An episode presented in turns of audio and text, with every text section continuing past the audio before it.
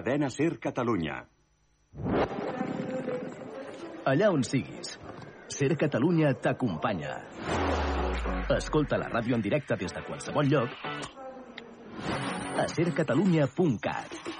Som a tot arreu. Som a tot arreu. Som al teu costat.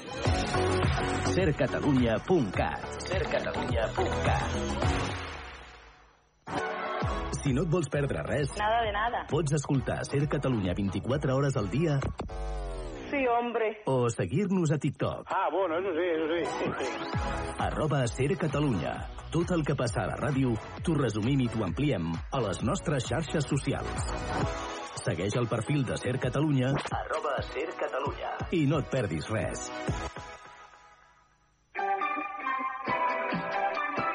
Ser Catalunya. La força de la conversa. Benvingudes, les que ens sentiu des d'aquí i des de l'altra punta del món, a la tele o al mòbil. Benvingudes i benvinguts a una nova manera de veure i sentir contingut en català i de qualitat. 3CAT. Descarrega't 3CAT, la nova plataforma digital.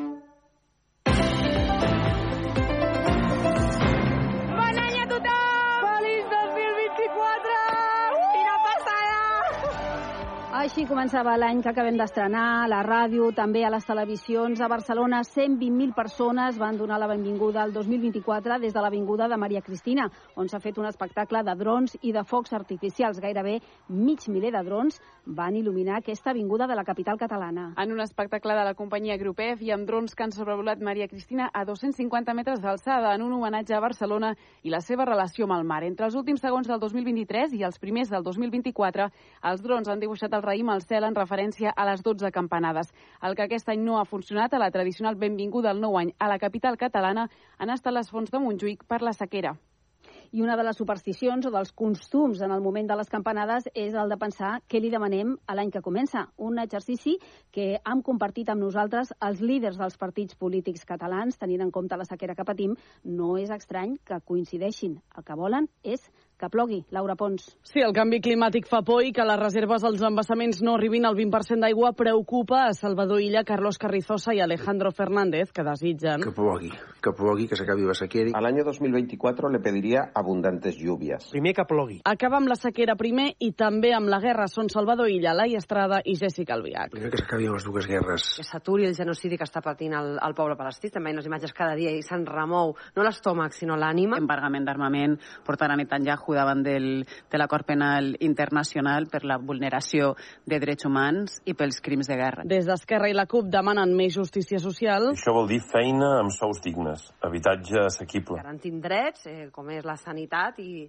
i això vol dir acabar amb aquestes llistes d'espera des desesperant. I des de Junts, Jordi Turull vol que tornin. El president Puigdemont, a la Marta Rovira, Antoni Comín i el Lluís Puig, no? Eh, crec que ha de ser l'any que els hem de poder abraçar aquí a, aquí a casa nostra i que puguin ser a casa seva. Són els desitjos dels principals líders de la política catalana de cara al 2024. Tant de bo es compleix aquest desig, com a mínim aquest de que s'acabin les guerres, perquè de moment en l'àmbit internacional les previsions per l'any 2024 ens parlen d'urnes i, malauradament, d'armes.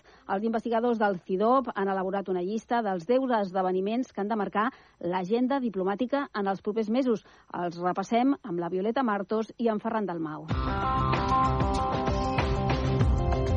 El primer, i continua havent guerres. La de Gaza ha marcat el final del 2023. Continua més el conflicte entre Rússia i Ucraïna, un conflicte que, segons els investigadors del CIDOP, serà un procés llarguíssim. Hi haurà eleccions en més de 75 països. Uns comicis que serviran com a test d'estrès per al sistema democràtic, segons l'informe. Un dels països que celebraran eleccions és els Estats Units.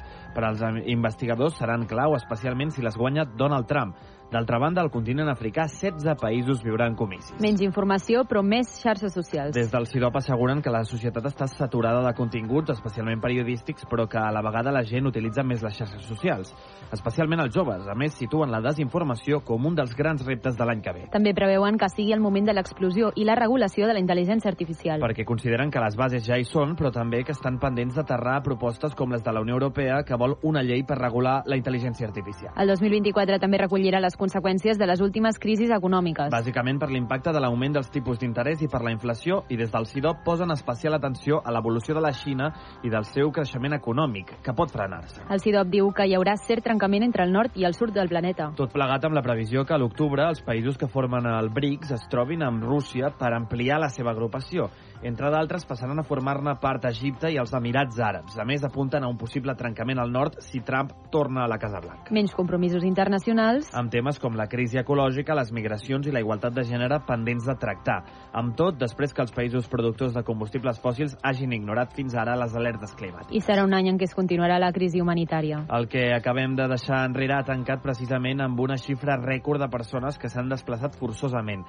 114 milions, segons dades de l'Agència de l'ONU per als refugiats. El CIDOP alerta que, tot i les dades, no hi ha hagut cap mena de, de reforç en ajuda internacional. A més, apunten que hi haurà conflicte entre dos conceptes, seguretat i drets fonamentals. Diuen que des de l'inici de la guerra de Gaza, alguns països europeus han augmentat la seguretat davant la possibilitat d'atemptats. El debat sobre la seguretat també arribarà a França, en els mesos previs als Jocs Olímpics de París, perquè el govern francès vol utilitzar càmeres de reconeixement amb intel·ligència artificial per detectar en temps real activitats sospitoses. I finalment, un important creixement d'opinions i aliances. Que fins ara havien sigut hegemòniques. Els investigadors del CIDOP tornen a insistir en la rellevància de les eleccions que se celebraran arreu del planeta, posant especial èmfasi als Estats Units i a Rússia.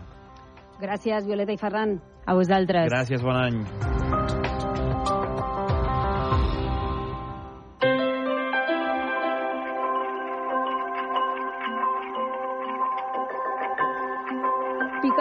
Han estat dos dels grans protagonistes de l'any 2023 en l'àmbit cultural. Aquest 2024 agafa el relleu un altre gran nom de la pintura i la creació, Antoni Tàpies. Fa 20 anys parlava així de la seva visió de la pintura. Cuando empecé, yo siempre quise transformar el cuadro de la concepción clásica del arte, que era un cuadro, un ventana, transformarlo en un quadre objeto. Precisament la Fundació Antoni Tàpies acull una de les grans exposicions que ens esperen aquest 2024, Gemma.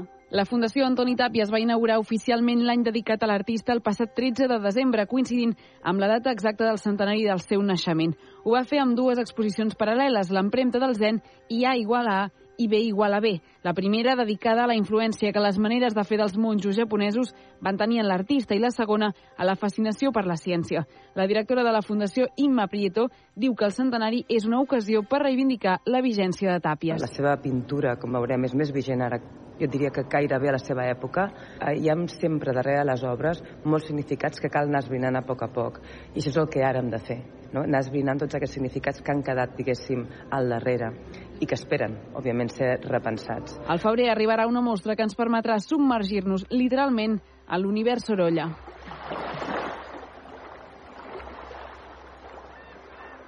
I el, I al Museu Nacional d'Art de Catalunya ens espera també al febrer la mostra El mirall perdut, jueus i conversos a l'edat mitjana. Destaca també altres mostres que estan en marxa, com la del Cris de Salvador Dalí, que s'exposa per primera vegada al Teatre Museu de Figueres. 2024 també ens oferirà una bona oferta de concerts. Si sabeu ja a qui ens anireu, no teniu problema. Si voleu tenir més detalls, demà en Joan Bofill, a partir de les 7, ens ajudarà a organitzar l'agenda. De moment, la Gemma i jo ja hem reservat el 10 de juliol. Li deien el pescaïlla, era molt bona persona, però el que més li agradava en la ciutat de Barcelona. Per celebrar amb els Estopa els seus 25 anys dels dels escenaris. Amb aquesta sintonia de fons anem a repassar els esports. Demà torna el futbol de primera divisió després de les vacances. Adrià Soldevila. Bona tarda. Demà reprèn la competició de Lliga després de l'aturada de Nadal en una jornada intersetmanal en la qual el Girona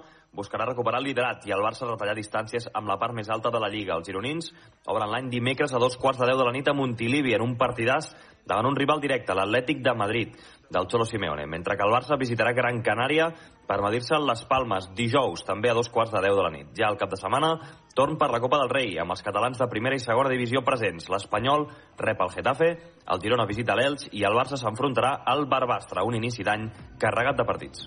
Ens hem quedat sense temps per escoltar la previsió del temps. La Rosa Narrel ens informava que aquesta matinada ha plogut una miqueta, molt poc, que a partir de dimecres esperem alguna gota més, però que aquestes primeres hores de l'any pues, encara tindrem eh, un temps tranquil i amb temperatures inusualment altes. Gràcies per escoltar-nos, gràcies al Roger Cuixart per fer que tot això soni com toca. Nosaltres ho deixem aquí, però la informació continua aquí a la SER i també a la web de SER Catalunya.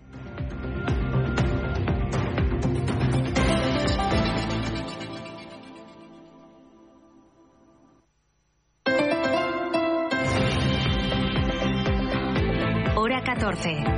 En la SER. Con Laura Gutiérrez. Dos y media, una y media en Canarias serán las 8 y 20 de la mañana del primer día del año nuevo. La Tierra ha temblado con fuerza en Japón. Earthquake. Earthquake. Oh my god.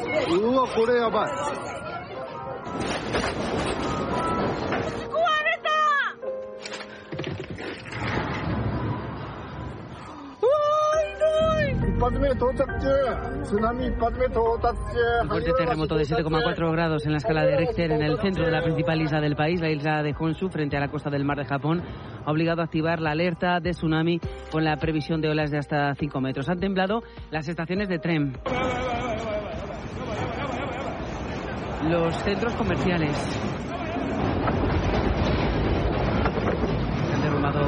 numerosos techos, también varios edificios. Antonio Martín, redactor de la sección de Internacional. Buenas tardes. ¿Qué tal, Laura? Buenas tardes. A pesar de la fuerza del seismo y de esa alerta de tsunami,